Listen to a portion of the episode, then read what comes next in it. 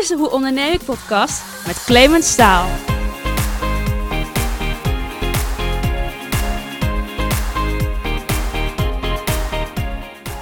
Ja, welkom lieve luisteraar bij weer een nieuwe aflevering van de Hoe Onderneem ik podcast. Mijn gast van vandaag heeft jarenlang gewerkt als bedrijfskundig adviseur bij de Kamer van Koophandel, waar hij zag dat die dienstverlening in de loop van de jaren nogal veranderde. Juri Goede is een van de initiatiefnemers achter Stichting Startersloket, dat bijna alle gemeenten in Noord-Holland ondersteunt met een digitaal loket, waar startende ondernemers terecht kunnen voor ondersteuning. En verder maakt hij ook deel uit van het team achter starten.nl en ik word zzp'er.nl, dat afgelopen jaar ruim 1,3 miljoen bezoekers had. Nou, waar lopen ZZP'ers en andere ondernemers tegenaan? Hoe zit dat met een uh, ondernemersloket bij de gemeente? De rol van de Kamer van Koophandel? En zijn eigenlijk alle ZZP'ers wel ondernemers?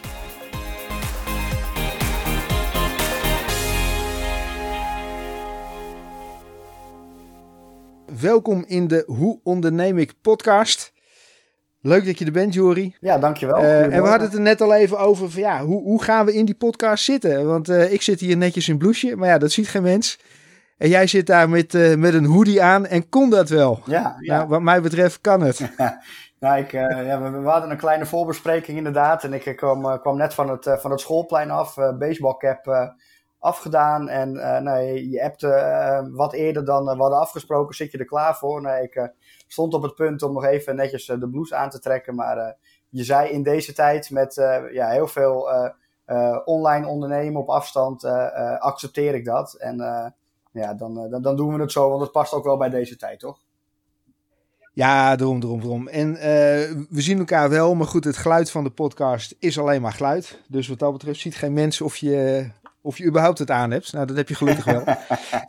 ja, dat, dat, dat, dat, lijkt me wel beter inderdaad. Uh, en, en, voor de socials, dan, dan, dan, knippen we er gewoon een, uh, een mooie foto uit, uh, dat het er een beetje professional uitziet, toch? Dus dan gebruiken we gewoon de... Heel goed, de, heel goed, heel goed. Foto's. Maar ze zeggen wel eens, ondernemers zijn ook net mensen. Dus waarom zou je niet gewoon in je, ja, in je kloffie, zeg maar, in dit geval zo'n gesprek hebben? Ja. Ja. Wat is jouw ervaring wat dat betreft? Nou, ik, ik, ik had het er van de week thuis nog over. Hè. Je moet ook proberen om ook enigszins in het, uh, in het ritme te blijven van, ja, van wat past bij jouw dagelijkse gang van zaken. En nu uh, worden we min of meer gedwongen om vanuit, uh, vanuit huis te werken. Dus ja, dat doen wij ook met, ons, met ons team. Um, dus ja, ik, ik, probeer wel um, dat, dat, echte kloffie, dat, dat doe ik niet, zeg maar. Hè. Wel gewoon uh, de normale kleding, nou ja, waarbij ja, je, je gaat niet, als je thuis op, op, je eigen kantoor aan het werk bent, altijd in, in, in driedelig pak zitten. Ehm, maar ja, wel enigszins kleden wat, wat past, terwijl je bij prettig bij voelt, maar ook wat past bij, ja, bij gewoon de dagelijkse gang van zaken, zeg maar. Dus daar had ik het thuis met mijn vriendin ook over, die in het onderwijs werkt. Dat, dat het wel enigszins normaal moet zijn. Nou er zijn natuurlijk uh, ook een hoop boeken wat dat betreft bijvoorbeeld over sales geschreven met betrekking tot telefonische acquisitie. Waarbij ook 9 van de 10 keer de tip erin staat. Joh, kleed je alsof je naar een account gaat. want je voelt je dan anders. En ja, stem is natuurlijk zeer belangrijk op het moment dat je iemand aan de telefoon hebt. dus gedraag je ook en kleed je ook alsof je een zakelijke afspraak hebt. Daarmee ga je je anders gedragen. En dat, dat hoort de luisteraar, zeg maar. Ja. Nou ja, af en toe jezelf ook complimentjes geven in de spiegel, toch? Dat je, dat je, Sowieso. Dat je, weer, dat je weer een goed gesprek hebt gehad. En dat, uh, nee, dat, uh, ja, nee, maar er zit wel wat in natuurlijk. Hè. Ik kan me niet voorstellen dat, ja, ze zullen er altijd zijn, maar dat je, dat, dat je altijd helemaal volledig in, in, in, in pak thuis op je kantoor gaat zitten. Dat, dat zal wellicht wat minder zijn. Hè. Thuis voel je je toch altijd wat meer op je gemak. Maar ja, ik ben ik het wel mee eens dat uh, als je enigszins een stukje professionaliteit wil uitstralen, dan uh, ja, uh, als je echt in je koffie gaat zitten, dan uh, ja, voel je je misschien ook niet echt heel professioneel als je aan het werk bent. Dus ja, het moet, moet, moet een goede combinatie zijn. Ja. Ja, goed, en een beetje fris en fruitig. Ik hou er toch zelf van om in ieder geval gewoon netjes gekleed, even fris gedoucht. Ook al zit je dan in dit geval voor een podcast en, en ziet geen mensen het. maar het geeft gewoon in ieder geval voor jezelf een wat frisser gevoel. Ja. En ik ga ervan uit dat de ander dat ook, ook merkt. Ja, dat, dat, denk ik ook wel. Ja. Uiteindelijk gaat het er toch ook om wat je, wat je overdraagt en, en je enthousiasme. En uh, ja, daar helpt, uh, helpt goed gekleed bij, uh, helpt daar wel bij, denk ik. Ik denk dat als je echt een keer in je kloffie dus over straat gaat, dan, ja, dan voel je je ook niet heel fris en heel schoon, zeg maar. dus dat helpt zeker, ja. Ja, we hadden het er net even over, want er is natuurlijk wel een trend in de afgelopen jaren, of überhaupt ontwikkeling, kleding ontwikkeld jaarlijks. Het ziet er nu natuurlijk heel anders uit dan dat het 50 jaar geleden bijvoorbeeld zag. waarbij bijvoorbeeld ook trainingspakken en dergelijke, ja, die, die, die thuis en die sportwear, dat zie je steeds meer op straat. En dat zie je ook steeds meer bijvoorbeeld bij ondernemers. Ja. Wat is jouw, eh, jouw eh, visie daarop? Wat, wat, zie jij om je heen en hoe kijk je daarnaar? Nou, als ik kijk in, in de branche waarin wij actief zijn, kom ik de trainingspakken niet heel vaak tegen. Maar dat heeft ook meer te maken dat wij ja, toch wel eh, in, ja, in, in de consultancy kant zitten van, van het ondernemerschap. We begeleiden heel veel startende ondernemers. Maar ja, als je echt gaat kijken naar startende ondernemers breed en ondernemers breed ja, er zijn natuurlijk de laatste jaren heel veel uh, coaches, uh, personal coaches zijn erbij gekomen. Dus ja, de sportwear ja, begint wel heel langzaam um, ja, wat meer zichtbaar te komen. Omdat er ook veel meer bedrijfjes worden gestart in die gezondheidshoek, zeg maar. Dus dat, dat, dat zie ik wel, ja. Ik kan me voorstellen dat je zegt, veel, ik, ik heb een bedrijf op het gebied van sportswear, dus ik ga ook zo gekleed. Ik, ik doe mijn eigen, mijn eigen kleding zeg maar aan. Um, maar wat zou je doen op het moment dat ik, uh, ja, weet ik wat, ik ben online adviseur of uh, eh, SEO-specialist. En hoe, hoe, kijk jij daarna als professional? Vind je het dan ook prima als iemand verschijnt is, in zijn trainingspak? Op, op, op een echte fysieke afspraak bedoel je? Aha. Ja, nou, een echt een, een trainingspak. Ja, als, als iemand echt sportinstructeur is, dan snap ik dat. Uh, fysiotherapeut, uh, wellicht, uh, dan, dan zou ik daar denk ik geen probleem mee hebben. Maar op het moment dat iemand ja, zich echt in trainingspak kleedt, weliswaar misschien een heel mooi trainingspak, maar ja, iemand is online marketeer, ja, dan weet ik niet of dat helemaal matcht. dan zou ik eerder voor, de, voor, voor wellicht de hippe sneakers gaan en een, ja, een mooie trui dan echt een trainingspak. Dat, ja, dat zal denk ik ja, kijk, je maakt maar één keer een goede zakelijke eerste indruk. En uh, ja, wij zitten nu in een podcast, dus ja, ja de mensen zien ons niet. Uh, en moet je het met je stem uh, proberen over te brengen, een stukje enthousiasme. Maar ja, een goede zakelijke eerste indruk maken in een trainingspak, ja, dat is denk ik, ja, dat, dat, zover zijn we denk ik nog niet. Ik moet zeggen, ik heb jaren in sales gezeten en ik ben er wel van overtuigd dat iemand in de eerste paar seconden dat hij je ziet, op het moment dat je ergens binnenloopt, dat hij op dat moment al het besluit neemt, ik ga ooit met deze persoon wel of niet zaken doen. Uh, en vervolgens heb je daarna natuurlijk nog een gesprek van een kwartier of anderhalf uur of hoe lang dan ook. Uh, en daarin gaat diegene dat beeld alleen maar bevestigen, zeg maar. Dus op het moment dat je goed binnenkomt, dan wordt het ook waarschijnlijk een prettig gesprek. En op het moment dat je binnenkomt en diegene denkt van, nou, dit weet ik nog niet, dan wordt het best een lastig gesprek en dan sta je al met 1-0 achter. Dus wat dat betreft, uh, nou goed, ik vergeef het je dat je in je hoodie zit. nee, maar, uh, maar weet je, kijk, kleding is, is natuurlijk gewoon van essentieel belang als je echt gaat ondernemen, je gaat elkaar ontmoeten. En ja, kleed je naar de gelegenheid en... Uh, ja, in sommige gevallen kan dat, uh, kan dat in, met mooie sneakers en een hoodie. En uh, ja, in andere situaties ja, die gewoon netjes uh, te kleden met, in, in mijn geval dan ook gewoon nette schoenen, Colbert, overhemd. en dan kom je gewoon netjes voor de dag. Ja, want jij, even voor de duidelijkheid, jij bent een van de mede-initiatiefnemers op het gebied van Stichting Startersloket. Klopt. Uh, Maar jullie hebben in jullie portefeuille zeg maar ook al zitten. Ik word zzp'er.nl, starten.nl. Ik kom de ondernemersunie tegen. Uh, mis ik er dan nog eentje? Sla ik er nog eentje over? Ja, je slaat er eentje over. En dat is ook, ook wel een hele belangrijke pijler uh, van ons. Dat is het ondernemerscollectief. we, hebben een, okay. we hebben een aantal initiatieven waarbij mijn collega Martijn Pennekamp een jaar of tien ongeveer terug gestart is met ikwordzzp'er.nl. Uh, ikwordzzp'er.nl is inmiddels uitgegroeid tot een platform ja, 1,1 miljoen websitebezoekers waren er vorig jaar in de ZZP-doelgroep. Wow. Dus dat is wel een, uh, mm-hmm. een serieus bereik. En vanuit ja, dat, dat platform, want ja, een website mag ik het echt niet noemen, want het is echt een platform waar je kennis, inspiratie op kan halen en antwoord op je, op je ondernemersvragen. Uh, is het ondernemerscollectief ontstaan? We kregen steeds vaker ja, vragen, ondernemersvragen. dat, we, dat, ja, dat we toch dachten, ja, wat doe je daarmee? Uh, aan het eind van de maand ja, moet je toch je broek op kunnen houden, ook als, als onderneming. En daar is het ondernemerscollectief uit ontstaan. Het is een ledenplatform. Uh, ZZP'ers, ondernemers kunnen daar lid van worden. En ja, wij ondersteunen ze met allerlei uh, collectiviteiten, helpdesken. Uh, ja, en een stukje uh, belangenbehartiging, wat, ja, waar, waar, we nu ook mee bezig zijn om dat steeds meer handen en voeten te geven. Want ja, de ZZP-doelgroep, En een ZZP'er is uiteindelijk niet meer als spraakgebruik. Hè, dat iedereen is gewoon ondernemer. Alleen dat is, dat is een beetje ingeburgerd. Hè. Bouwgerelateerd noemt men zich vaak een, eh, een ZZP'er. Terwijl de creatieve beroepen, die noemen zich vaker meer uh, de freelancers. Ja, die groep is zo groot inmiddels. We hebben 1,4 miljoen eenpitters in Nederland, ja, bijna. En ja, die, die groep ja, die, moet, die, moet, die moet zich wel vertegenwoordigd voelen. En dat is wat wij proberen met, met onze kanalen. En de, de, overkoepelende naam, dat is de Ondernemersunie. Dat zegt eigenlijk veel dat je eigenlijk als ondernemer ja, bij onze club ja, met vraag en antwoord uh, terecht kan. En ik word zzp.nl is dan een, ja, het grootste platform, 1,1 miljoen websitebezoekers. Daarnaast beheren we ook nog starten.nl. Dat is een, ja, een, een kleiner platform. We hebben ongeveer 150.000 websitebezoekers per jaar. En het ondernemerscollectief, en daar zitten enkele duizenden, uh, richting de 3000 leden hebben we daar momenteel. Uh, die wij helpen met collectiviteiten en uh, allerlei helpdesken. Oké. Okay. Ja. En je zegt vertegenwoordigd voelen. Um, want vertegenwoordigen jullie dan ook daadwerkelijk zeg maar, dat ZZP ja, collectief in feite naar derden toe? Uh, wat gevoelsmatig, op het moment dat ik iets wil weten op het gebied van ZZP-schap en ik ga iets in Google intikken, dan kom ik al vrij snel bij jullie uh, uit in de vorm van ik word ZZP'er of een van de andere sites. Um, dus ik zou niet zozeer denken aan van joh, ik, ik word vertegenwoordigd door dit platform. Nee, nou kijk, de, de leden die lid worden van het ondernemerscollectief, uh, ja, die, die proberen wij wel zoveel mogelijk te vertegenwoordigen. En we hebben van de week toevallig nog uh, een, oh ja, op Facebook. Wij beheren een Facebookgroep, ZZP'er durft te vragen. Daar zitten op dit moment bijna 23.000 uh, ZZP'ers in, in die Facebookgroep. Ja, heeft mijn collega Martijn ook een, een poll gedaan. Van, joh, door wie voel jij je nou vertegenwoordigd als, als ZZP'er in de markt? En het gros gaf eigenlijk aan, joh, ik voel me niet vertegenwoordigd.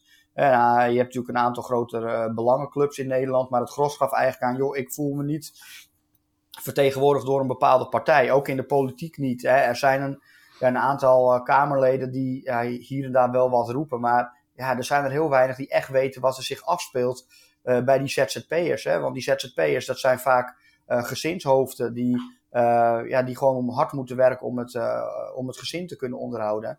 En ehm, ja, dat, dat maakt het soms wel lastig. Dat de politiek gaat over de regelingen. Nu ook in coronatijd worden er uh, regelingen ge geopend. Uh, bepaalde aftrekposten worden um, wat, versneld uh, naar beneden gecorrigeerd, zeg maar. Zelfstandige aftrek waar ze de komende jaren flink aan gaan tornen. Maar ja, of ze nou echt weten wat er echt speelt in de wereld van de ZZP'er, ja, dat vraag ik me echt oprecht af. En ja, dat is ook de reden dat we wel steeds meer aan het kijken zijn op welke manier um, ja, kan nou de doelgroep in zijn algemeenheid het best vertegenwoordigd worden. En ja, het zou mooi zijn als er in, uh, ja, in Den Haag ook echt een aantal personen opstaan die zich echt betrokken voelen bij, uh, bij deze groep. Hè? Want ze zijn gewoon onderdeel van de arbeidsmarkt. En ja, op dit moment is ongeveer uh, eh, 15% van de hele arbeidsmarkt is gewoon ja, zelfstandig ondernemer. En dat is gewoon een gigantisch aantal. En dat aantal groeit alleen maar.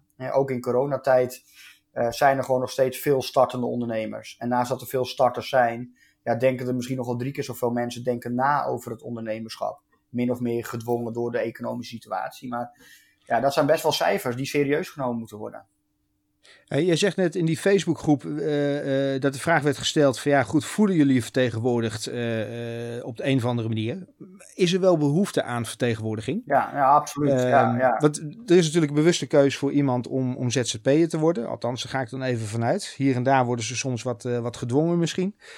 Uh, omdat hun, baan bijvoorbeeld ophoudt om te bestaan, is het dus dat alleen maar kunnen doen door, uh, door zelfstandige door ZZP'er te worden, zelfstandig ondernemer te worden.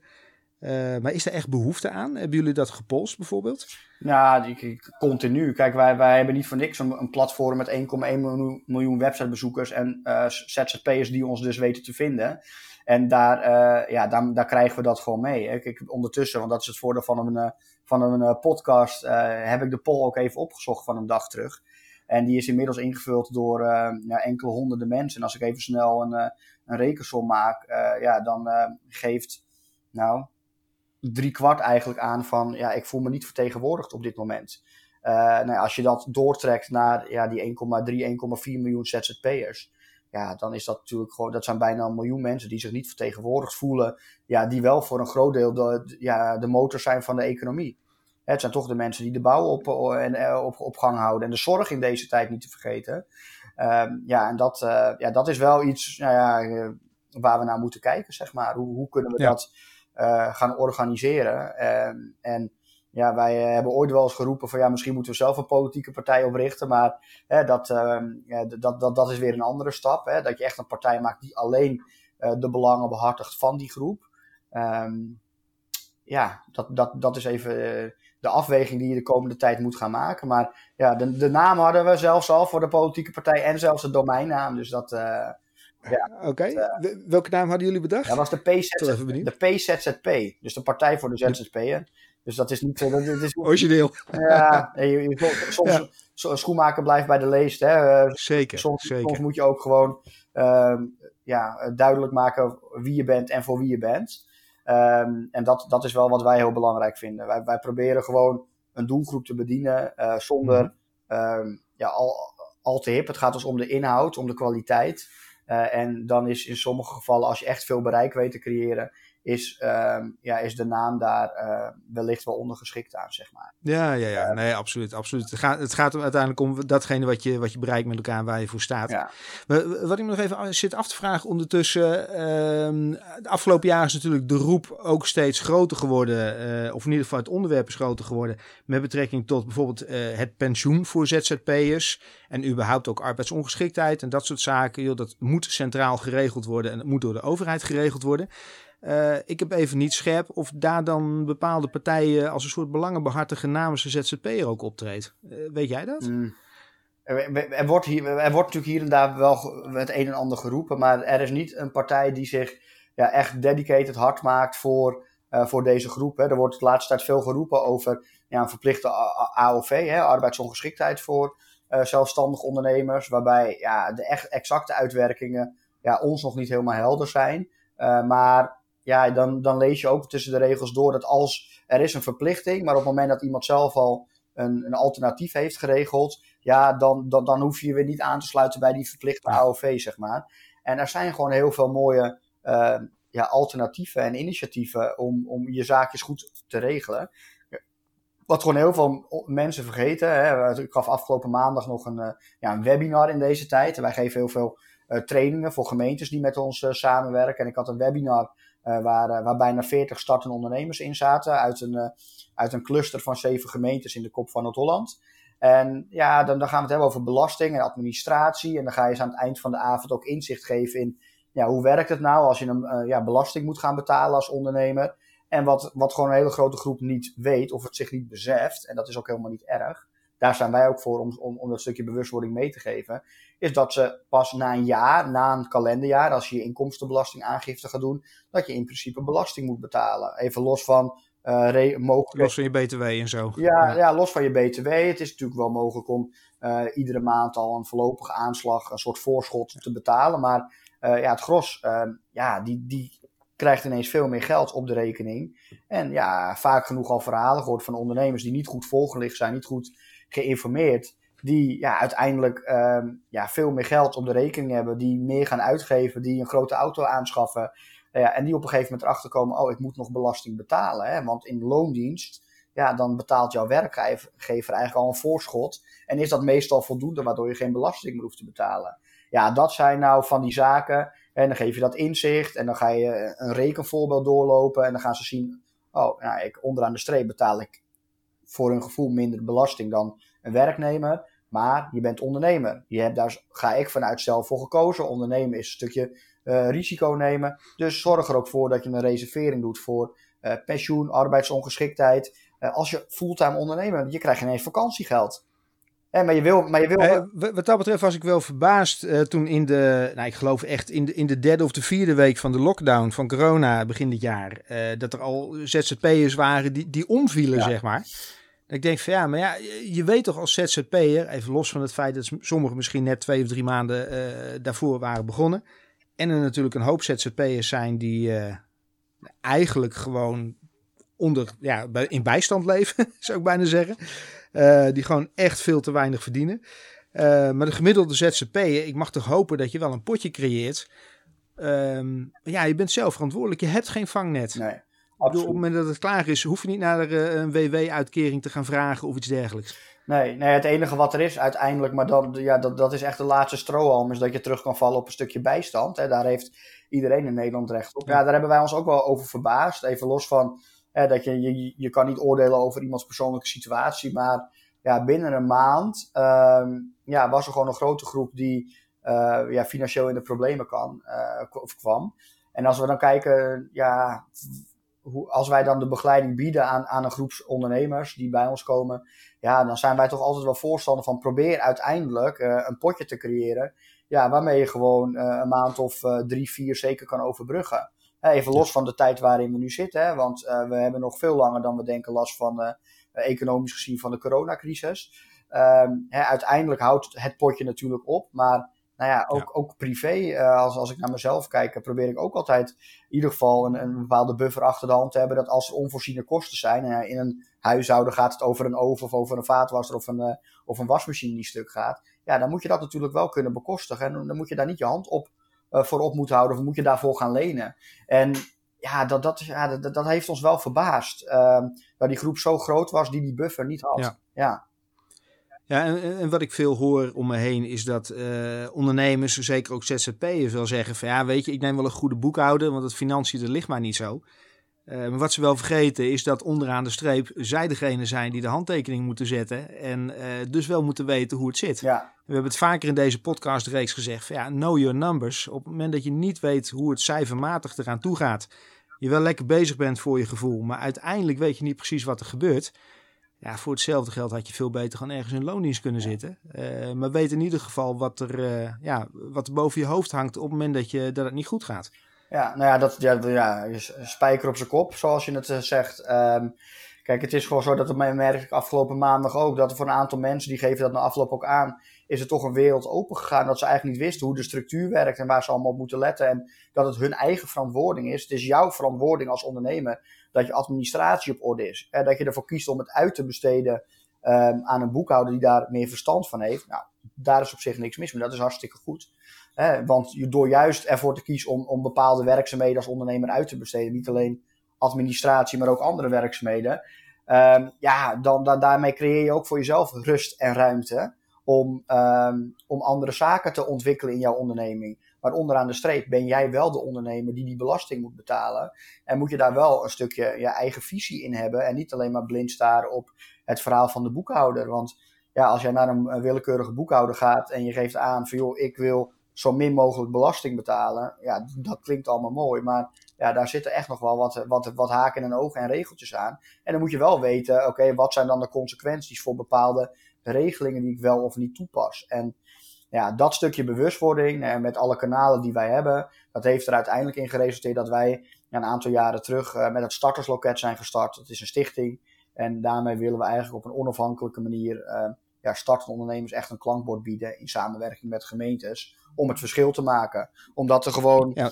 een hele grote groep ondernemers is die start onvoorbereid. En het is echt maar het topje van de ijsberg, misschien nog wel minder dan het topje van de ijsberg.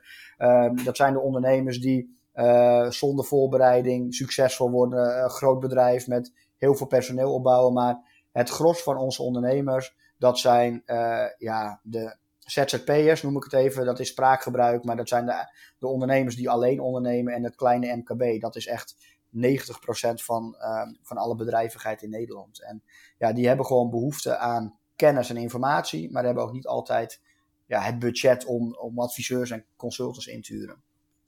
Ik ben een aantal jaar, uh, vorig jaar, of het jaar ervoor, stond ik met iemand van de Kamer van Koophandel te praten op de startersdag. Ik was daar met, uh, met studenten van de opleiding, de ondernemersopleiding uh, waar ik les aan geef. Um, en toen hadden we het ook over het feit dat bij de Kamer van Koophandel eigenlijk uh, ja, het aanbod van ondersteuning totaal is uitgekleed. Waar ik in 2005 ondernemer werd en uh, toen had je een starterspas en je kon naar seminars en er waren netwerkbijeenkomsten. En ik kon volgens mij wel twee, drie keer in de week kon ik in Amersfoort was dat, kon ik daar terecht voor iets. De Rabobank die een, keer, een aantal keren langskwam voor, ja, voor informatie over financiën in dit geval. Um, dat is er allemaal niet meer. En wat ik heb begrepen is dat dat met name komt omdat er commerciële partijen zijn die dat aanbieden. En dan mag KVK mag dat niet meer aanbieden. Het is steeds meer uitgeklede dienstverlening. Ja. Ehm, vervolgens hoor ik jou zeggen met Stichting Startersloket. We ondersteunen allerlei gemeentes, in dit geval in, uh, in Noord-Holland.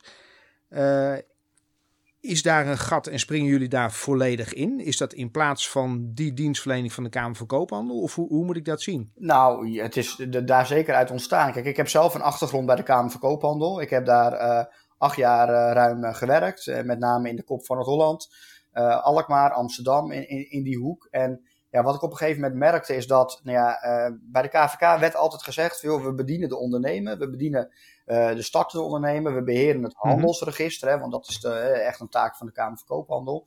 Maar uiteindelijk, als de markt iets oppakt, ja, dan moet de KVK misschien ook wel zeggen, joh, dan, dan moeten we dat overlaten aan de markt. En uh, ja, ik ben daar zelf een jaar of vijf terug weggegaan, omdat ik, en dat is ook iets uh, als ondernemer wat, wat, wat, wat, je wel moet willen, maar ja, ik kon niet meer het verschil maken. Bij de Kamer van Koophandel liep ik voor mijn eigen gevoel um, ja, een beetje tegen de muren aan, um, waar achter ik dacht, joh, daar wil ik opteren. Ik wil juist uh, die starter echt een klankbord bieden en op weg helpen. En ja, het is gewoon een, een, een algemene, ja, landelijke, misschien wel wereldwijde trend, is dat er steeds meer digitalisering is en steeds meer online gaat. En ja, uh, er werd op een gegeven moment gewoon bepaald, en die weg is gewoon ingeslagen, en dat, dat doet de KVK ook, uh, ook prima. is dat het gewoon meer op afstand is, meer online. En ja, die echte seminars, die trainingen, waar jij denk ik als starter wel heel veel aan gehad hebt in, uh, ja. in Amersfoort. Want ik, uh, ja, ik weet ook een aantal collega's van mij die daar rondliepen. En dat waren gewoon hartstikke goede adviseurs. Um, ja, dat, dat, dat, dat gat eigenlijk, dat ontstond. En ja, ik kwam in contact met, uh, met Martijn, met mijn collega. En ja, we gingen op een gegeven moment in gesprek met een aantal gemeentes. En ja, het was al heel gauw van, joh, die gemeentes die vroegen eigenlijk uh, min of meer uh, ook aan mij via Jury, wat jij vroeger deed uh, voor ons in onze regio. ja, kan dat niet meer terugkomen? Ja, dat kan wel. Alleen ja, dan ga je natuurlijk op zoek, en dat is ook een stukje ondernemerschap, naar hoe kan je dan plannen gefund krijgen? Hoe kan je handen op elkaar krijgen om budget vrij te maken? Want het is, ja, het is een uitdaging om gemeentes als opdrachtgever te hebben. samenwerken met gemeentes is hartstikke fijn, omdat uh, ze hebben ook een groot netwerk en uh, ja, er zijn best wel veel mogelijkheden. Maar het komen tot een samenwerking, ja, dat is niet iets. Als wij als, wij als ondernemer vandaag besluiten van we gaan uh, met elkaar samenwerken. Ik heb hopelijk een goede indruk gemaakt met mijn hoodie bij jou. Hè, dan, dan, dan, dan, dan, dan, dan, dan weet je binnen een paar minuten al, nou daar wil ik nog vaker wat van weten of niet. En ja, bij een gemeente heb je gewoon te maken met politiek, met medewerkers, met allerlei plannen. En dat, dat is een beetje. Ehm, ja, je bent een beetje de spin in het web en probeert alles samen te brengen. Maar ja, door dat gat wat de Kamer van Koophandel heeft achtergelaten, zijn wij gestart met het uh, startersloket in 2016. Wij werken nu samen met uh, ongeveer 20 gemeenten in de kop van Noord-Holland. Uh, daar komen wij oorspronkelijk ook vandaan. Maar wij ja, zijn ons de afgelopen jaren zo gaan inrichten dat wij wel gezegd hebben: hetgeen wat wij doen, dat kunnen wij als morgen een gemeente uit de andere kant van het land komt, dan kunnen wij dat um, binnen een week draaiende hebben om die gemeente te ondersteunen. Dus wat begon met een, um, ja, ik noem het even een, een, beperkte vraag vanuit een regio, ja, heeft er nu toe geleid dat wij um, een ambitie hebben om ja, eigenlijk alle kleine en middelgrote gemeenten te gaan ondersteunen om die startende ondernemer te bedienen. Omdat ja, er is een gat ontstaan, de overheid trekt zijn handen er een beetje vanaf. Ze willen er wel wat mee, ze moeten er ook wat mee, blijkt uit onderzoeken van een aantal partijen. Um, ja, en dat is het gat waar wij uh, op in zijn gesprongen. En ook vanuit mijn eigen achtergrond, vanuit de KVK. Het verschil willen maken, die starter een klankwoord bieden op een onafhankelijke manier. Want we proberen uh, zoveel mogelijk um, de commercie uh, te vermijden. Want anders ben je niet onafhankelijk. Dus ja, het gaat ons echt om die samenwerking met gemeenten. Dus ja, ik weet eigenlijk niet eens of je wist of ik bij de Kamer van Koophandel vandaan kwam. Maar um, dat um, uh, ik heb me voor dit gesprek wel even op je LinkedIn profiel gekeken, Juri. Kom. Ja, nee, okay. dan hebben wij, we hebben maar, het is wel een spijker op zijn kop, zeg maar. We hebben, uh, dus, mm-hmm. Wij zijn in dat gat gesprongen en ja. um, ik denk ook dat er voldoende partijen in de markt zijn die dergelijke rollen gewoon kunnen pakken. Hey, dus je zegt verschillende gemeenten in Nederland ook daarmee aan de slag gaan. Er zijn er ongeveer 350, 355. iets minder nu volgens mij, maar ehm, richting de 300. Oké. Ja. Ja, goed. Laten we even houden op die, uh, die 300, 350 gemeenten. Betekent dat dat je 300 of 350 uh, loketten gaat openen? En zijn dat dan fysieke loketten? Of hebben we het over een digitaal platform. ik woon zelf in Almere. Krijg je dan Almere startersloket.nl of zo? Of hoe gaat dat? Ja, ja. Nou ja in de basis, hè, want, want we kunnen er toch in deze tijd niet omheen, hè, online. Ehm, of het, is nou niet helemaal de toekomst, maar voor een groot deel zal een deel van de manier waarop wij tegenwoordig werken, zal ook na de corona-perikelen, zal denk ik nog wel blijven. ik, ik ben inmiddels helemaal thuis in videocalls. En of het nou Teams is of Zoom, het maakt niet uit. gisteren had ik op één dag had ik drie verschillende kanalen gebruikt om deel te nemen aan overleg en vergaderen. Uh, ja, wat dat betreft brengt corona ook wat goeds. Hè? Want anders waren we met elkaar nooit zo ver gekomen, nee, volgens mij. Ja. Er is toch een aardige transitie uh, in het bedrijfsleven plaatsgevonden. Absoluut. Ja, niet alleen in het bedrijfsleven. Ook uh, als ik kijk naar, naar organisaties. Ja, en, ja. Het, en, Het, onderwijs, wat natuurlijk wel stappen heeft gezet. Nou, daar weet jij zelf ook alles van. Um, in de basis hebben wij wel gezegd van joh, uh, het, startersloket dat werkt samen met gemeentes die, die die doelgroep willen bedienen, die hun eigen ondernemers en startende ondernemers willen informeren. Hebben we gezegd, iedere gemeente die aansluit, die krijgt bij ons een eigen online startersloket. Uh, wat wij zien in het land is dat er op heel veel plekken uh, initiatieven ontstaan dat een gemeente zegt van joh, wij gaan voor onze ondernemers en startende ondernemers een, uh, een website lanceren. Daar gaan we informatie opzetten over het ondernemerschap. En uh, daar kan iedereen terecht met informatie. De grote uitdaging is bij dat soort platformen is het actueel houden en te zorgen dat de informatie blijft kloppen. En dat is eigenlijk het grootste probleem bij die partijen, bij die initiatieven. Het gaat een half jaar goed en dan voelt iemand zich er niet meer verantwoordelijk voor. En dan ja, wordt het niet meer actueel, komt er geen nieuws op te staan, kloppen artikelen niet meer. Nou, ga zo maar door. Waarvan wij hebben gezegd, van, joh, wij hebben binnen onze organisatie professionele redactie. Wij zitten bovenop de actualiteit als het gaat om ondernemerschap, om regelingen, noem het maar even op. En iedere gemeente die zich bij ons aansluit, ja, die krijgt een eigen startersloket in de eigen look en feel. En aan de achterkant ja, beheren wij de inhoud, beheren wij de content uh, en is het altijd actueel. En hebben wij ook de ruimte dat inwoners ja, contact met ons op kunnen nemen, kunnen uh, kunnen chatten uh, onder kantoortijd, kunnen bellen. En dan heeft zo'n inwoner heeft het idee of zo'n ondernemer dat er contact is met de gemeente. Wij presenteren ons als een verlengstuk van de gemeente. Um, en op die manier proberen wij ze te helpen. En ja, dat, dat gaat heel goed. En ja, in de toekomst moeten we misschien ook kijken, kunnen we dat videobellen er wellicht in, uh, in verwerken? Is toch iets wat van de laatste tijd is. Maar op die manier proberen wij die gemeentes in de basis te ondersteunen. Uh, en daarnaast ja, kunnen wij op, op gemeenteniveau ook ja, trainingen, webinars, noem het maar op, kunnen wij ook inrichten. Dat is, dat is even afhankelijk van de behoeften. Uh, dus ja, zo zijn wij ingericht en wij richten ons dus op de kleine en middelgrote gemeentes uh, die wij echt kunnen ontzorgen. En ja, dat is denk ik echt wat wij, wij goed kunnen als organisatie. Eh, ik zit ook even praktisch te denken. Want als je zegt veel uh, uh, ondernemers kunnen ons dan ook bellen met vragen. We willen actualiteit willen bijhouden. Content moet kloppen op zo'n website. Nou, dan kan ik me voorstellen dat je zo één, misschien wel twee dagen in de week bezig bent met zo'n, site. In ieder geval per gemeente bezig bent. Um, als je dan 350 gemeentes in Nederland hebt hoeveel man personeel heb je dan straks zitten? Ja, nou ja, dan, dan, kunnen een hele hoop uh, voormalig KVK-collega's uh, van mij, uh, die kunnen hetgeen doen waar, die net als, als ikzelf uh, heel blij werden van het op weg helpen op, op regionaal niveau van die startende ondernemer. Die, ja, die kunnen dan zo... Echt doen waar de passie ligt. Ja, ja, en die kunnen dan zo overstappen naar ons. Als wij, zo, als wij al die gemeentes bedienen, dan... Uh, ja, nee, maar dan, uh, zonder gekheid, dan hebben we natuurlijk echt nog wel wat handjes nodig. Maar dat is, dat, ja. dat is ook ondernemerschap en uh, het doorontwikkelen van je concept. we zijn een aantal jaren bezig. doen, het, mm-hmm. doen het hartstikke leuk. We hebben mooie dingen ontwikkeld. Uh, hebben inmiddels uh, werken, werken wij met drie oud KVK-mensen, onder andere aan het startersloket. Dus uh, een aantal die, die, die, die, zijn er, die zijn er al, zeg maar. En dat is toch uiteindelijk. Ja, ik, ik werkte daar. En je hebt dan toch een bepaald. Je, er komt een bepaald bloed door je aderen stromen. Zoals, ja, um, zoals iedereen dat heeft die bij een bepaalde organisatie heeft gewerkt. En dan voel je je daar verbonden mee. Ja, ik ben op een gegeven moment gewoon ja, weggegaan. Omdat ik het verschil niet meer kon maken op de manier zoals ik dat zou willen. Uh, ja, we, we, werken nu onder andere met drie oud eh, KVK-mensen. En ja, we willen die rol overnemen. Dus ja, als we groeien, of uh, ja, misschien zijn er nu wel gemeentes die luisteren, hè, die, die meeluisteren. Ja, neem contact op, want uh, ja, wij kunnen jullie echt ja, op de juiste manier ondersteunen om ja, op gemeenteniveau de start- en onderneming te bedienen. Ja. Jullie hebben die verschillende platformen. Je zei uh, eerder al even ja, we hebben het ondernemerscollectief en de ondernemersunie, omdat er ook een verdienmodel uiteindelijk aan moet hangen. Want je hebt kosten, je hebt uh, medewerkers zitten. Even voor mijn beeld, wat is dan uiteindelijk zeg maar jullie verdienmodel? Waar, waar verdienen jullie uiteindelijk dan je, je, je, geld mee? Of waar dek je de kosten mee? Ja. Nou, de onder, ondernemersunie, dat is echt de overkoepelende naam. Dus dat is niet een uh, concept waar een verdienmodel omheen hangt. Maar dat is meer even de, uh, ja, de paraplu. De kapstok. Ja, de kapstok of ja? de paraplu boven, boven mm -hmm. alle concepten.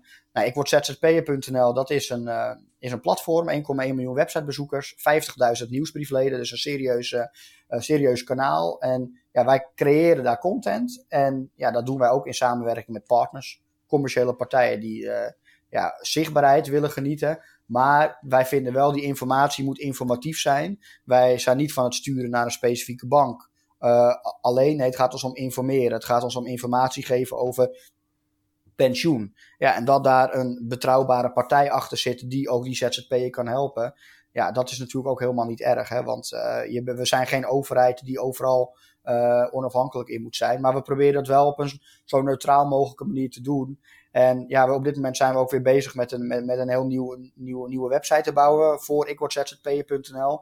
Uh, de andere is, is pas drie, vier jaar terug uh, opgeleverd. Maar je moet gewoon doorontwikkelen. Er zijn gewoon de afgelopen jaren zoveel ontwikkelingen geweest in de markt. Dat ja, ook onze website vonden wij alweer verouderd was. Dus het verdienmodel zit hem aan die kant in, in, in partners op, op landelijk en, en regionaal niveau. We werken ook samen. Uh, sorry dat ik je onderbreek, maar je zegt um, uh, we moeten onafhankelijk wel, wel blijven. terecht, denk ik. maar ik zie dan bijvoorbeeld op een van je websites of meerdere uh, Bruidpensioen langskomen. Um, ja, is dat dan een, een partner bijvoorbeeld? Of adverteren zij bijvoorbeeld via, via Google? Uh, uh, komt dat per ongeluk op jullie site te staan? Nee, dat, dat zeg je dan van ja, we gaan er nog een andere pensioenaanbieder tegenover zetten? Of hoe, hoe werkt dat dan? Nee, dat, dat, dat zijn wel echt de partners. Je ziet uh, Bright Pensioen zie je staan, maar zo werken wij ook samen met de Knapbank.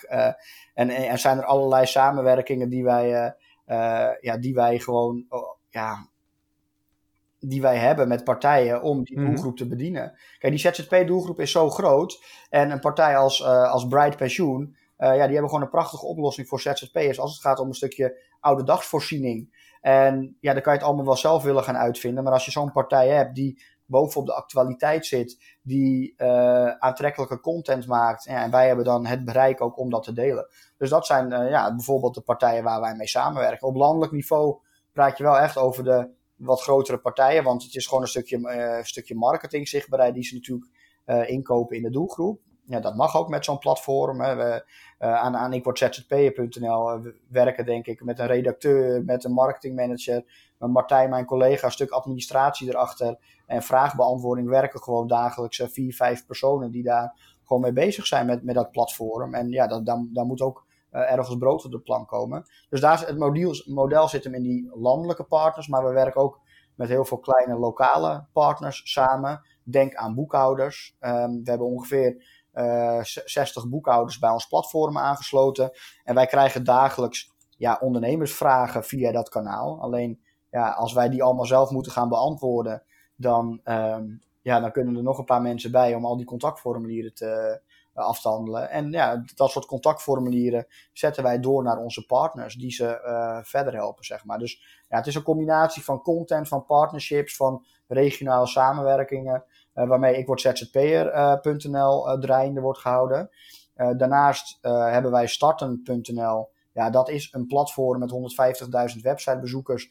Daar zit nagenoeg geen commercie omheen. De, ja, dat, dat hoort ook bij ondernemen ja, bij dat platform, we hebben veel bereik. Ja, gaan we ook de komende periode nadenken hoe willen we dat platform uh, naar het volgende niveau gaan helpen. Want je kan je voorstellen dat ja, als een platform als ik word ZZP'er echt, echt hard gegroeid is. Vijf jaar terug hadden we 700.000 websitebezoekers. Uh, nu zijn dat er 1,1 miljoen en nou ja, wellicht weer wat meer uh, aan het einde van dit jaar. dus ja, dat, dit is een kanaal waar we, ja, waar we ook gewoon over na moeten gaan denken hoe gaan we dat verder inrichten. Ja, en op het ondernemerscollectief daar kan je lid van worden als ondernemer. Lidmaatschap kost 49,95 euro extra BTW per jaar.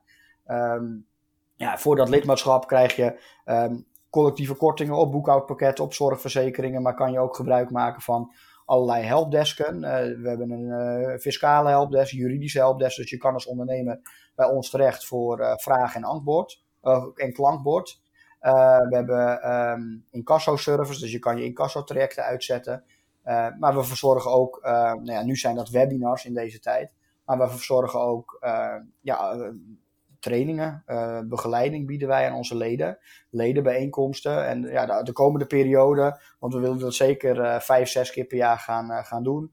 Um, en misschien wel vaker afhankelijk van de animo, ja, zal dat de komende periode wel online zijn natuurlijk.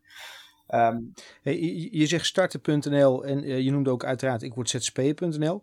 Um, is starten.nl ook echt een andere een doelgroep wat dat betreft?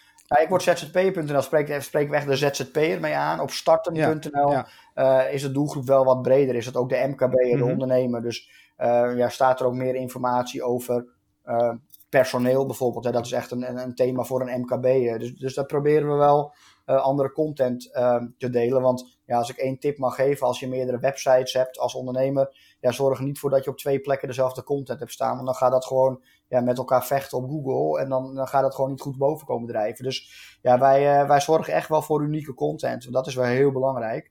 Alleen goede content maken, dat, uh, ja, dat, dat, dat is gewoon een vak apart. Dat, dat, dat kost heel veel tijd. En dat beseffen heel veel, uh, heel veel ondernemers zich niet. Uh, en heel veel partijen zoals gemeentes die zo'n eigen platform willen, waar ik het net over had. Dat um, het inrichten is één, maar het bijhouden kost net zoveel tijd. Ja, Nee, absoluut. absoluut. De reden dat ik het ook vraag, um, want eh, ik word zzp'er.nl zich op zzp'ers. Um, ik heb nog wel eens een keer de discussie met mensen. Ja, zzp'ers, zijn dat nou echt ondernemers? Um, ik weet niet of dat helemaal vloek in de kerk is. Want zzp'er, dan ben je toch, of uiteindelijk heb je je eigen baan gecreëerd. Jij bent zelf degene die het werk gaat uitvoeren. Dat als je praat over, uh, over ondernemerschap, dan praat je ook over delegeren. Dan praat je over groei. Dan praat je over medewerkers, personeel. Ook het wakker liggen daarvan misschien. Uh, hoe, hoe, hoe, kijk jij daarnaar? Of hoe kijken jullie daarnaar als, uh, als, als organisatie? Nou, kijk, een ZZP'er, uh, ja, dat is gewoon, doordat het spraakgebruik is, ja, gaan mensen daarop googlen. Uiteindelijk, als je puur naar de feiten kijkt, iedere ZZP'er is in ieder geval ingeschreven bij de Kamer van Koophandel, dus eigenaar van een eenmanszaak. En dan ga je er automatisch van uit, althans men gaat er dan van uit, dat je heel ondernemend bent. En helaas uh, is er ook een groep ondernemers, maar het woord schijnzelfstandigheid wordt ook veel door politieke partijen en door andere uh, belangenclubs gebruikt. En, en ja, er zijn ook gewoon uh, ZZP'ers, ondernemers die ja, feitelijk gezien niet actief achter opdrachtgevers aangaan. En die uh, voor een paar opdrachtgevers werken en die van het ene naar het andere uh, project worden geschoven. Maar ik ben wel van mening, de ZZP'ers die wij spreken, dat zijn meer de ZP'ers, de zelfstandig professionals. Die echt de ambitie hebben om hun product of dienst neer te zetten.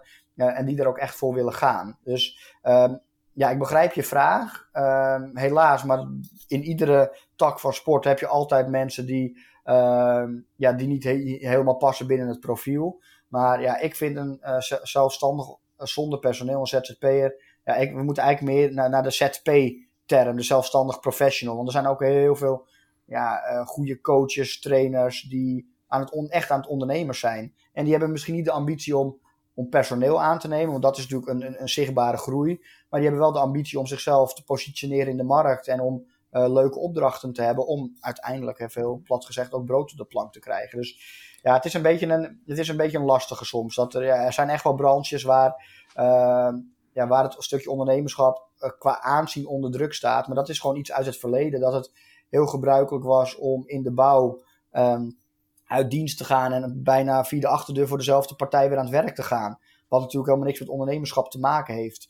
Uh, En zo zie je dat ook uh, in de zorg. Nou, nou doet de zorg op dit moment heel veel goed werk. Maar ja, zie je ook gewoon heel veel zorg-ZZP'ers, ondernemers. Ja, die ja, voor één of twee bemiddelingsbureaus werken en, en daar hun werk uithalen. Ja, dat is niet iemand die actief op zoek gaat naar eigen klanten en een netwerk gaat opbouwen en een, een website in de lucht heeft. Ja, die, ja, die groep is er ook. Ja. En, ja. ja als, als ondernemer wil je volgens mij ook een bedrijf opbouwen wat ook continuïteit heeft en wat, wat, wat, wat, wat uh, uh, geld genereert, waar je zelf je boterham in kan verdienen. Uh, maar wat ook waarde toevoegt en ook uiteindelijk waarde heeft op het moment dat je het zou willen verkopen. En, en daar gaat het natuurlijk toch wel wat scheef met, met een hoop ZZP'ers, de meeste ZZP'ers denk ik. Uh, omdat ze uiteindelijk, zij zijn het bedrijf, zij zijn het product, zij maken de uren. Uh, en er valt eigenlijk niks te verkopen. Er is geen waarde. Op het moment dat zij ja, tegen de vangrail zitten, ziek zijn, uh, wat dan ook, ze kunnen niet werken, ehm, dan is er niks.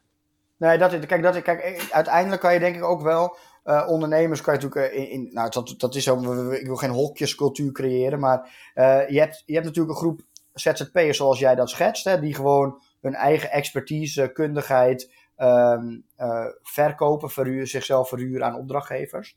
Uh, en je hebt natuurlijk een groep ondernemers die kiezen niet om zichzelf te verhuren, maar die kiezen voor een bepaald product of dienst of producten of diensten op de markt te brengen.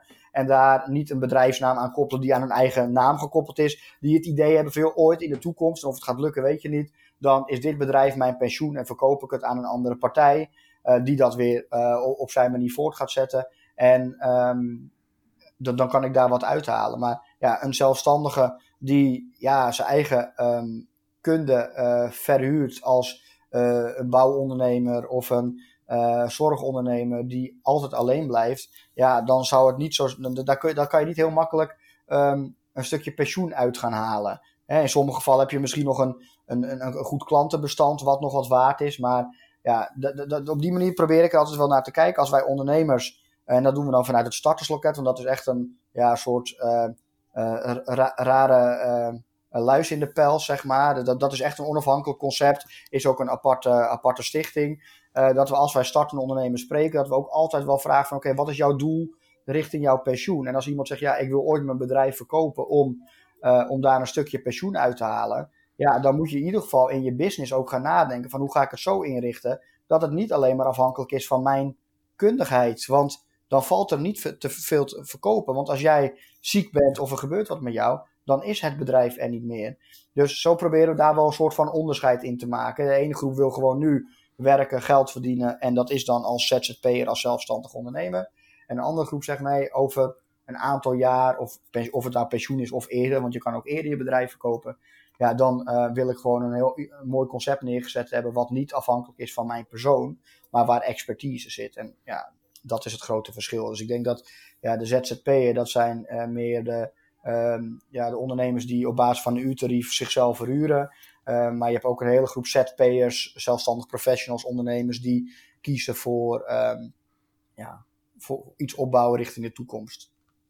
En dan moet je, dan moet je ook, in, in, in, je, ja, ook nog wel toevoegen, dan moet je ook in je, bijvoorbeeld in je bedrijfsnaam al rekening mee houden.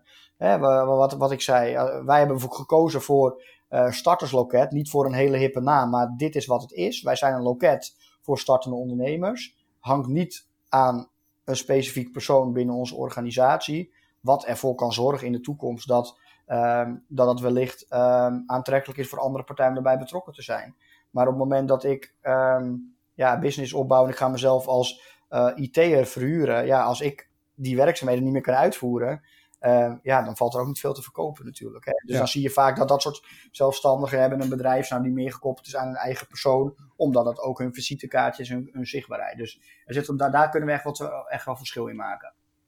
Ja, ik, ik, denk wel van ook, ook, iemand die start als ZZP'er, omdat het gewoon uh, ja, uh, jong, ambitieus, hij begint in zijn uh, in zijn eentje, hij of zij, um, kan natuurlijk gewoon in zijn meerjarenplan zeg maar een ornogram beschrijven waarin hij zegt van oké, okay, ik zie uiteindelijk een bedrijf voor me waar uh, ik eigenaar van ben, waar een directeur in zit op mijn pad. Uh, waar een afdeling uh, sales, marketing en verkoop en administratie. En daar hangen allerlei mensen onder. En misschien heb je dan wel een organigram met weet ik veel wat, 20, uh, 20 poppetjes. Um, waarbij in eerste instantie onder elk poppetje jouw eigen naam staat.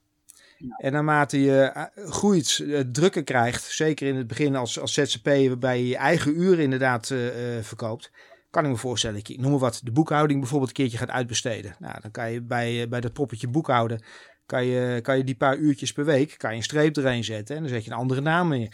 Uh, en langzamerhand groei je dan uiteindelijk verder naar boven in dat organogram. Ja, zeker. Um, en, en dat zijn, maar goed, dat is mijn visie wat dat betreft, uh, dat zijn echt de, de ondernemers. Ze beginnen wel als ZZP'er, of ze zijn ZZP'er op dat moment, uh, want ze hebben geen personeel Maar in de basis zijn het gewoon ondernemers. Ze weten waar ze naartoe willen. En langzamerhand bouwen ze aan dat bedrijf, wat uiteindelijk ook geld waard is, hopelijk. Zeker. Ja, je gaat eigenlijk van ZZP'er naar ZMP'er, hè?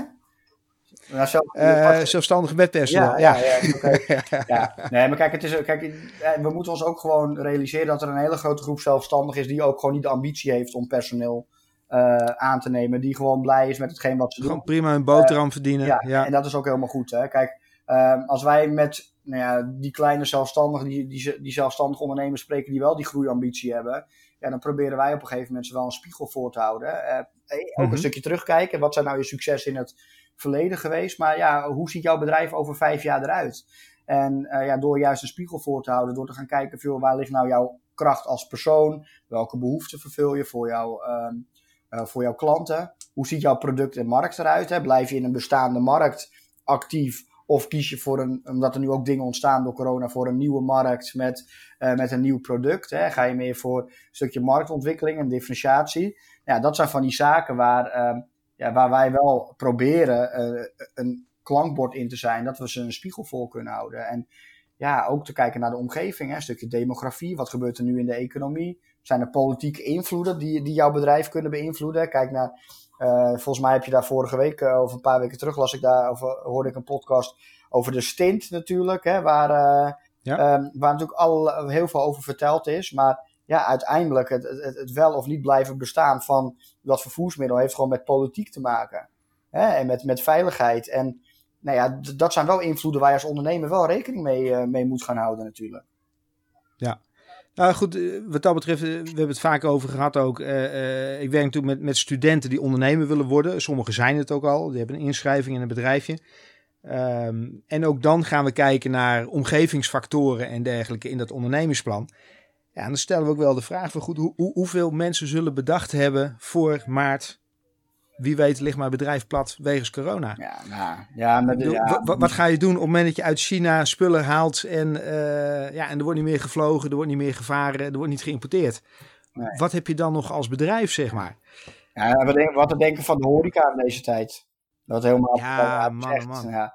Het is, ja, het is, ik denk dat niemand dit aan heeft zien komen. Ik denk dat, daar zijn wij misschien ook heel nuchter volk voor. Hè? Wij, vanmorgen op de radio hoorde ik, uh, ik weet niet waar het was, maar uh, sprak iemand uit China die al actief aan het, uh, ja, weer als DJ aan het werk was. En ja, toen zei ze ook, ja, wat moet Nederland nou veranderen ten opzichte van China? En ja, bij, een sleutelwoord was discipline gewoon. Want daar zijn ze wel gedisciplineerd en gaan ze wel meteen ehm, ja, de regels opvolgen. En ja, wij zijn daar toch wat nuchter in. Um, en dan ben ik, ja, herken ik mezelf ook alweer in dat je denkt, veel ja, het, het, komt onze kant niet op. Want al die pandemieën en alles wat er gebeurt, gebeurt altijd in andere werelddelen. Ver weg. Ja, ja en, en, en nu maak je dat gewoon mee. En ja, ik hoor gewoon, uh, gewoon mensen om me heen. Ja, mijn oma vergelijkt deze periode met, um, met, met de oorlog bijna. Hè? Toen mocht ze ook de straat niet op. En ja, ik ja. denk van ja, het is nu geen oorlog. Maar ja, er loopt inderdaad niet veel op straat. En ja, ja, dit had niemand kunnen bedenken. Joh. Dit, uh, de economie gaat hier nog uh, lang last van hebben. En ik hoop dat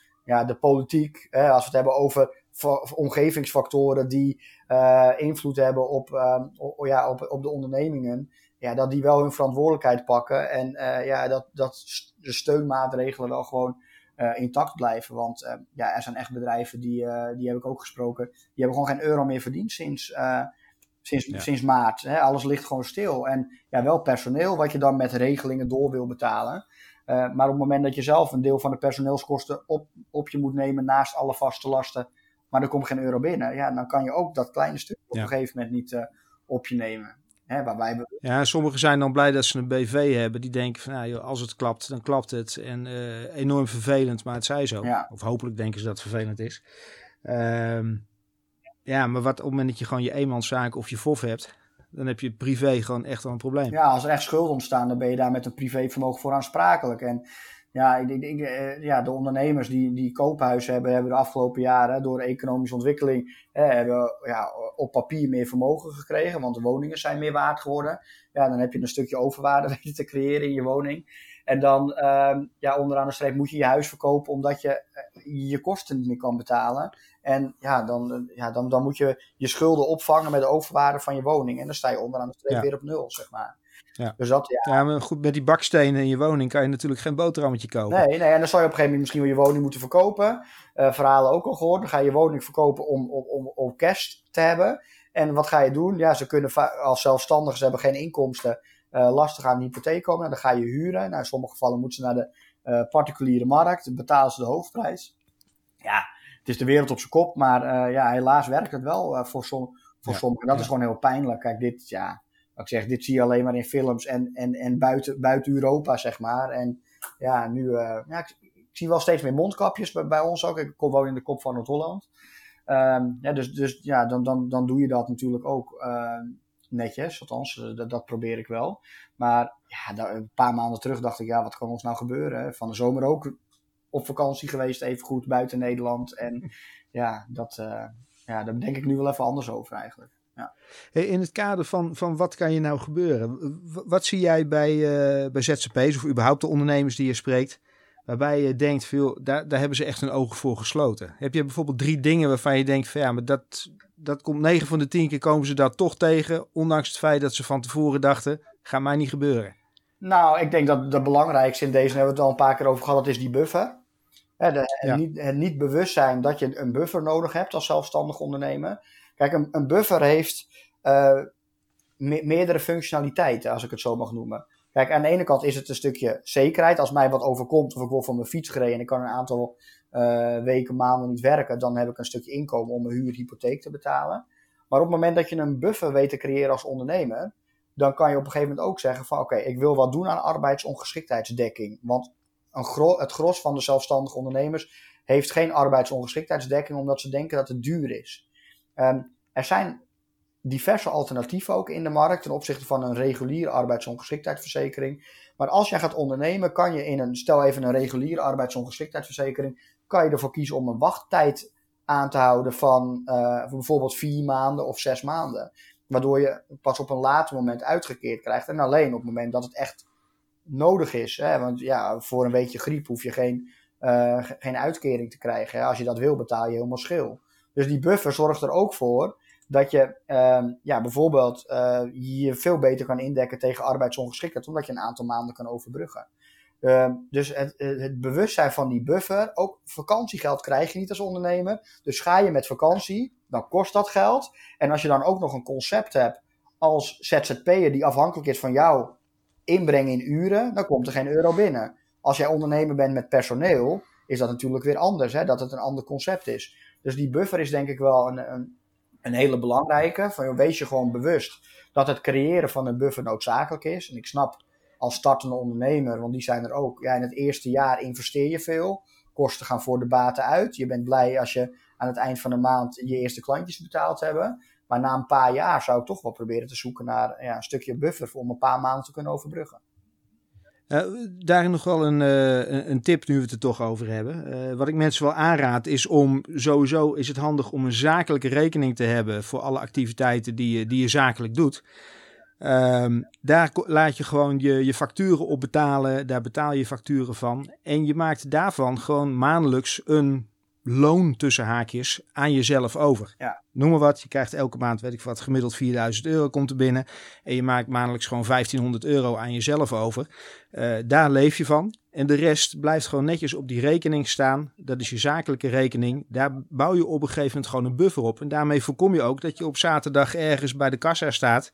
En dat je dus eigenlijk van je zakelijke bedragen waar je morgen de BTW moet gaan betalen uh, opeens je boodschappen gaat betalen. Ja, nee, maar absoluut. Ik, ik, ik spreek startende ondernemers. Ik had vorige week nog een gesprek met, uh, met een ondernemer die zei: ik, ga, ik open wel een extra privérekening. Of ik doe het op mijn eigen privérekening. Want dat scheelt dan geld. Nou, laat, laat ik even vooropstellen dat als een zakelijke rekening al voor jou te veel geld is als ondernemer, dan moet je ook gewoon niet gaan ondernemen. Zo eerlijk moeten we ook gewoon zijn.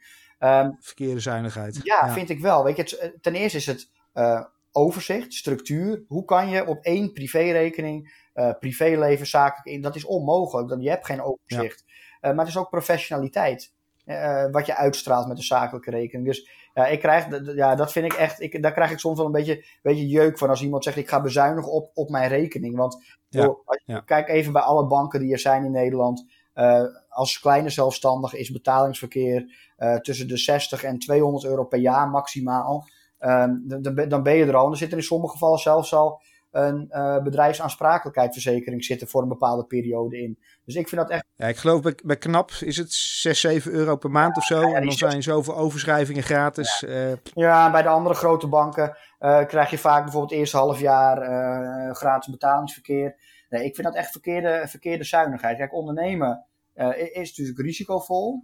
Maar ja, je moet wel investeringsbereid zijn. Hè? Want ja, dat is soms ook gebrek aan inzicht. Hè? Dat, dat, dat, ja, ik werkte bij de Kamer van Koophandel, heb ik net verteld. En ja, daar kwamen starters binnen en die gaven ook aan uh, van joh, ik ga ondernemen, maar ik ga geen kosten maken. Ja, geen, geen kosten maken. Ten eerste moet je al betalen om je in te schrijven bij de Kamer van Koophandel. Dus de eerste kosten maak je dan meteen. Maar dat is onmogelijk, want je gaat reizen. Uh, je hebt een, een laptop nodig voor je administratie, een boekhouder. Ja, die zijn zich dat helemaal niet bewust. Ik, wat ik echt, en dan we hadden het over, net over de buffer, we hebben het over de rekening gehad. Maar ja, ik merkte ook gewoon vaak, en dat merk ik nu ook nog wel, dat er een grote groep startende ondernemers is die onvoorbereid start. Dat merkte ik bij de KVK gewoon bij wijze van spreken op maandagochtend dat ik iemand sprak. Die zei ook, was gisteren op een verjaardag en ik kan heel goed timmeren. Uh, joh, weet je wat jij moet doen? Je moet voor jezelf gaan beginnen, want uh, joh, dan, jij bent zo handig, dat komt wel goed. Maar die wist eigenlijk niet eens wie volgende week een, een klant zou zijn. Uh, nou, dat gebrek aan voorbereiding, ja, dat, dat vind ik wel een kwalijke. Uh, we hebben heel veel startende ondernemers in Nederland. Uh, maar als je gaat kijken hoeveel na vijf jaar nog actief zijn, dan is, nou ja, meest recente cijfer, maar ongeveer de helft is gestopt na vijf jaar. Ehm, dat is natuurlijk een gigantisch aantal. Hè. Er zijn vorig jaar 200.000 startende ondernemers geweest in Nederland. Althans, registraties bij de Kamer van Koophandel. Hè. Dus of iedereen echt ondernemer is, maar dat zijn de registraties. En we weten gewoon over vijf jaar zijn er daarvan 100.000 ongeveer niet meer ingeschreven, niet meer actief. En ja, dat is vaak een gebrek aan voorbereiding. Niet weten wat er op je afkomt. En ja, wij zijn van mening, los van dat ene kleine uh, ja, topje van de ijsberg, dat een goede voorbereiding essentieel is. Probeer voor jezelf, en hoe je dat doet, doe je het, uh, op papier te zetten. Joh, wie ben je? Wat zijn je sterke punten? Wat zijn je zwakke punten? Wat voor product of dienst ga je bieden? Hoe ga je je organisatie inrichten? Want als we het hebben over een organisatie, dan denken ze vaak veel als ik klant heb en een zakelijke rekening, dan red ik het wel. Maar hoe ga je een stukje contracten en juridische zaken inregelen? Uh, ga je wel of niet verzekeren tegen pensioen en arbeidsongeschiktheid? Of nee, je kan niet verzekeren tegen pensioen. Ga je pensioen opbouwen of verzekeren tegen mm, arbeidsongeschiktheid? Ja. En ga eens na, veel, welke investeringen moet ik doen om te gaan starten? In jouw geval, hè, we nemen nu een podcast op. Nou, we hadden het voor de uitzending erover. Ja, dat je toch op een gegeven moment bepaalde investeringen moet doen om die podcast op te nemen aan apparatuur en alles wat erbij komt kijken. Ja, hoe, hoe ga je dat betalen? Heb je dat betaald van eh, een zakelijke rekening van de buffer die je hebt? Um, ja, of moet je daarvoor gaan lenen? Uh, ja, daar moet je over nadenken. En, en dat is gewoon dat gebrek aan voorbereiding. Ja, dat proberen wij er um, enigszins in te brengen via alle kanalen die we hebben, maar met name via dat startersloket, uh, waarin we echt onafhankelijk zijn. Waarin we geen belang hebben, waarbij we ook durven te zeggen uh, tegen startende ondernemers: joh, als jij zoveel beren op de weg ziet, moet je, moet je het dan wel gaan doen. Uh, en we hebben meerdere keren al teruggekoppeld gekregen dat ze blij waren met dat klankbord. Uh, omdat wij ze niet het idee dat wij ze wat te verkopen hadden, maar dat ze, we, ze wouden helpen. En als jij al ja, slapeloze nachten krijgt van het idee dat je uh, ja, nog maar tien dagen hebt om je BTW-aangifte te doen van, van het afgelopen kwartaal, ja, dan gaat er iets niet goed. En dan moet je je ook echt afvragen of je wel geschikt bent als ondernemer. Eh, we gingen dit, uh, dit pad op uh, vanuit de gedachte van, joh, heb je drie dingen waarvan mensen zeggen, dit gebeurt mij niet. je kwam als eerste met de buffer, een stukje zekerheid. Nou, volgens mij hebben we ondertussen ook de aparte bankrekening al benoemd. En nou ja, een heldere voorbereiding. Ja. Um, ik weet niet of dat de drie zijn die je ook zou willen benoemen. Of zeg je van, nou, ik heb nog wel een, een vierde eventueel. Ja, ik, mo ik mocht er maar drie, toch? Ja, dat klopt. Maar goed, ondertussen hadden we ze niet benoemd als drie. Nee, wat ik ook vind, als je gaat ondernemen, um, ja, is wel, eh, wel mijn motto. Mijn collega's zullen dat wel herkennen. Uh, ik heb het volgens mij ook op mijn WhatsApp als, uh, als regel staan. Maar alleen ga je sneller, maar samen kom je verder. En ja, ga samenwerking opzoeken. Ga kijken van, joh, wat is er in mijn omgeving aan ondernemers te vinden? Of wat is er in mijn branche aan netwerk te vinden waar ik kennis en inspiratie op kan halen? Want je kan nog zo zo'n goede professional zijn. Maar alleen ga je het gewoon um, ja, niet altijd redden. En inspiratie en contact met anderen hebben, dat, ja, dat is denk ik toch wel van essentieel belang om, je ook van, om, ja, om ook van toegevoegde waarde te kunnen zijn. Uh, ik, ik zit nu ook thuis op mijn kantoor. ik heb de mazzel dat ik een eigen kantoor heb in huis en niet aan de keukentafel hoef te zitten. Maar ja, het kan best eenzaam zijn als je altijd, hè, nu zitten we door corona en stel je daarop in, ehm, als je altijd alleen zit en je ontmoet geen andere mensen, ja, dan is dat wel echt lastig. En ehm, ja, dat is denk ik wel ook een belangrijke succesfactor. Dat je gewoon een netwerk hebt en dat je, ehm, ja, dat je kan schakelen. Dat je mensen om je heen hebt die, ja, die, die jou uh, vragen om input. Die jij kan vragen om hulp bij, bij lastige uh, opdrachten. Dat ja, ik vind het zelf, ja, netwerk is gewoon belangrijk. Dus als, ik weet niet of we er eentje moeten schrappen van die vorige drie. Want ik vind een zakelijke bankrekening ja, dat, dat vind ik niet eens. Uh, een, een no-brainer. Dat vind ik gewoon een must. Dat vind ik niet eens een, een van de drie factoren als je gaat starten. Maar ja, netwerken, samenwerken. Uh, ja. probeer dat in kaart. Ook online hè, kunnen we prima netwerken. Met, uh, op LinkedIn of je hebt allerlei initiatieven om te, online te netwerken. de netwerkcarousel, dat is een, een, een, een, leuke app, leuk programma waarin je andere ondernemers kan ontmoeten. En zo heb je ongetwijfeld nog meer van dat soort concepten. Ja, je moet als ondernemer gewoon uh, ja, virtueel de deur uit, ook in deze tijd. Hè? Dus, ja, ja. Nou, een belangrijke tip. Alleen ga je sneller, maar samen kom je veel verder. Hebben we nog een, uh, een onderwerp of heb ik nog een vraag niet gesteld die je wel graag aan bod had willen laten komen?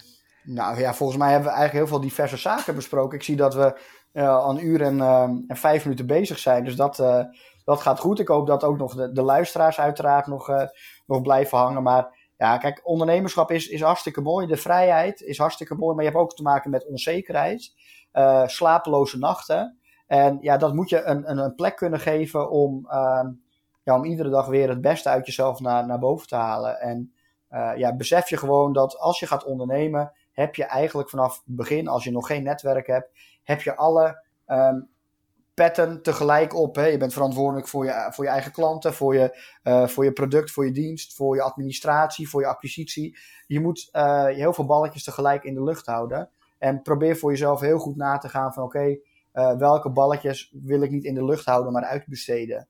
dat, kan voor, ja. dat kan rust en ruimte in je hoofd en in je tijd creëren. We het over administratie. Nou, een, een, goede boekhouder, laat die maximaal 100 euro per maand kosten als kleine zelfstandige ja, als je voor een, uur, voor een uurtarief gaat werken van ja, drie, vier, vijf tientjes per uur, ja, dan hoef je maar uh, uh, twee uur extra facturabel te kunnen krijgen. En de boekhouder betaalt zich al terug in, um, in geld. En nog niet eens in wat een boekhouder allemaal voor jou uit handen ja. neemt. En fiscale regelingen die jij wel weet toe te passen die je anders niet weet. Dus ja, goede voorbereiding essentieel. Um, durf ook voor jezelf te zeggen van ik ga nu niet ondernemen, want het is niet het moment. Uh, ja, er ontstaan ook weer, ja, in coronatijd, maar we gaan zo afsluiten natuurlijk. Maar er ontstaan ook heel veel mooie initiatieven. Ik zag um, van de week hier, ik, woon zelf in, uh, in Horen. En er is een heel klein kroegje die, ja, ik, ik ken de eigenaar via, via, via een vriend van mij. En uh, in dat kroegje mochten vijf mensen binnen. Zo klein is dat kroegje. Hè? Normaal staat dat uh, vol, is het hartstikke gezellig daar. En nu mochten ze maar vijf mensen binnen hebben. Ja, wat hebben ze nu gedaan? En ze hebben ook uh, in Noord-Holland het nieuws gehaald via RTV Noord-Holland. Um, dus hebben gedaan, we gaan de kroeg ombouwen tot een ouderwetse snoepwinkel. Dus we hebben allemaal ouderwetse snoeps. Ze gaan een paar dagen in de week open. Ze moeten nog open, dus hoe het gaat, gaat lopen weet ik niet. Maar als je ziet hoeveel reacties daarop komen en um, ja, hopelijk gaan daar dingen uit ontstaan dat die ondernemers toch um, ja, inkomsten kunnen genereren om te blijven ondernemen. Maar ja, ze hebben van een kroeg een snoepwinkel gemaakt. Ja, dat is toch fantastisch. Ja, tof. tof. maar creativiteit is wat dat betreft natuurlijk key. Ja. En ik vind het mooi van ondernemers uh, altijd dat waar, waar werknemers zeggen, oh het kan niet, jammer. Dat een ondernemer denkt, hé hey, het kan niet zo, hoe ga ik het wel doen? Ja. Uh, niks is en tof als je dit soort voorbeelden hebt. Absoluut. Ja, Absoluut. zo denk ik. Ja, ik zou ook uh, aan de luisteraars willen vragen, joh, dat, dat soort, uh, wat voor creatieve verhalen heb jij nu allemaal gehoord in je omgeving? Maar ja, dit voorbeeld ja, wat speelde echt gisteren in, in Horen dan. Maar ja, dat is, ja, dat is gewoon hartstikke mooi. En zo zijn er zoveel creatieve ondernemers, horeca-ondernemers, die eigenlijk wel heel snel gingen bezorgen en takeaway en allerlei andere manieren om maar ja, door te kunnen gaan met ondernemen. Want ja. dat is het vaak wel. Hè? Ondernemen is ja, een beetje een, voor, voor heel veel ook een way of life. Het is echt een passie. Het is gewoon, ja, het moet ook een beetje in je zitten, ondernemerschap. En um, ja, dan is het ook hartstikke leuk, de vrijheid en uh, uh, ja, het mensen blij maken, zeg maar. Dat, dat, daar doe je het toch voor. Ja, mooi, mooi. Jori, ik ga je uh, bedanken voor, uh, voor dit moment. Wij, we spreken ongetwijfeld binnenkort verder. Uh, heel erg bedankt voor, voor deze podcast. En ik, ik, ik hoop dat de 350 gemeenten straks allemaal hun startersloket hebben. Waar wij als, als ZZP'ers en überhaupt als starters, ook voor een andere onderneming, daar gewoon terecht kunnen. En ik wens je onwijs veel succes. Ja, dankjewel. Daar gaan we voor, toch? Een mooie afsluiting zo. Ja. Absoluut. Dankjewel, man. Oké, dankjewel. Ja, ze zeggen wel kennis is macht, maar kennis delen is machtiger. Mooi dat er platformen zijn waar jij je informatie en inspiratie vandaan kan halen.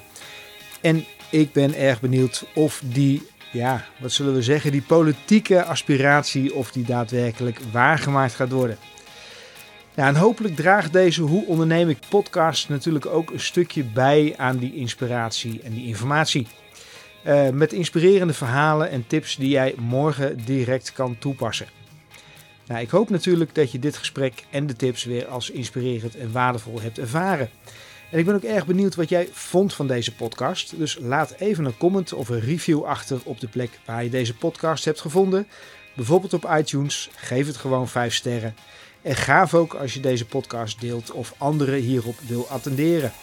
En wil jij er zelf geen eentje missen? Klik dan even op abonneren of op volgen. Wil je in contact komen? Dan kan dat via bekende kanalen zoals LinkedIn of via de mail info@hoeondernemik.nl.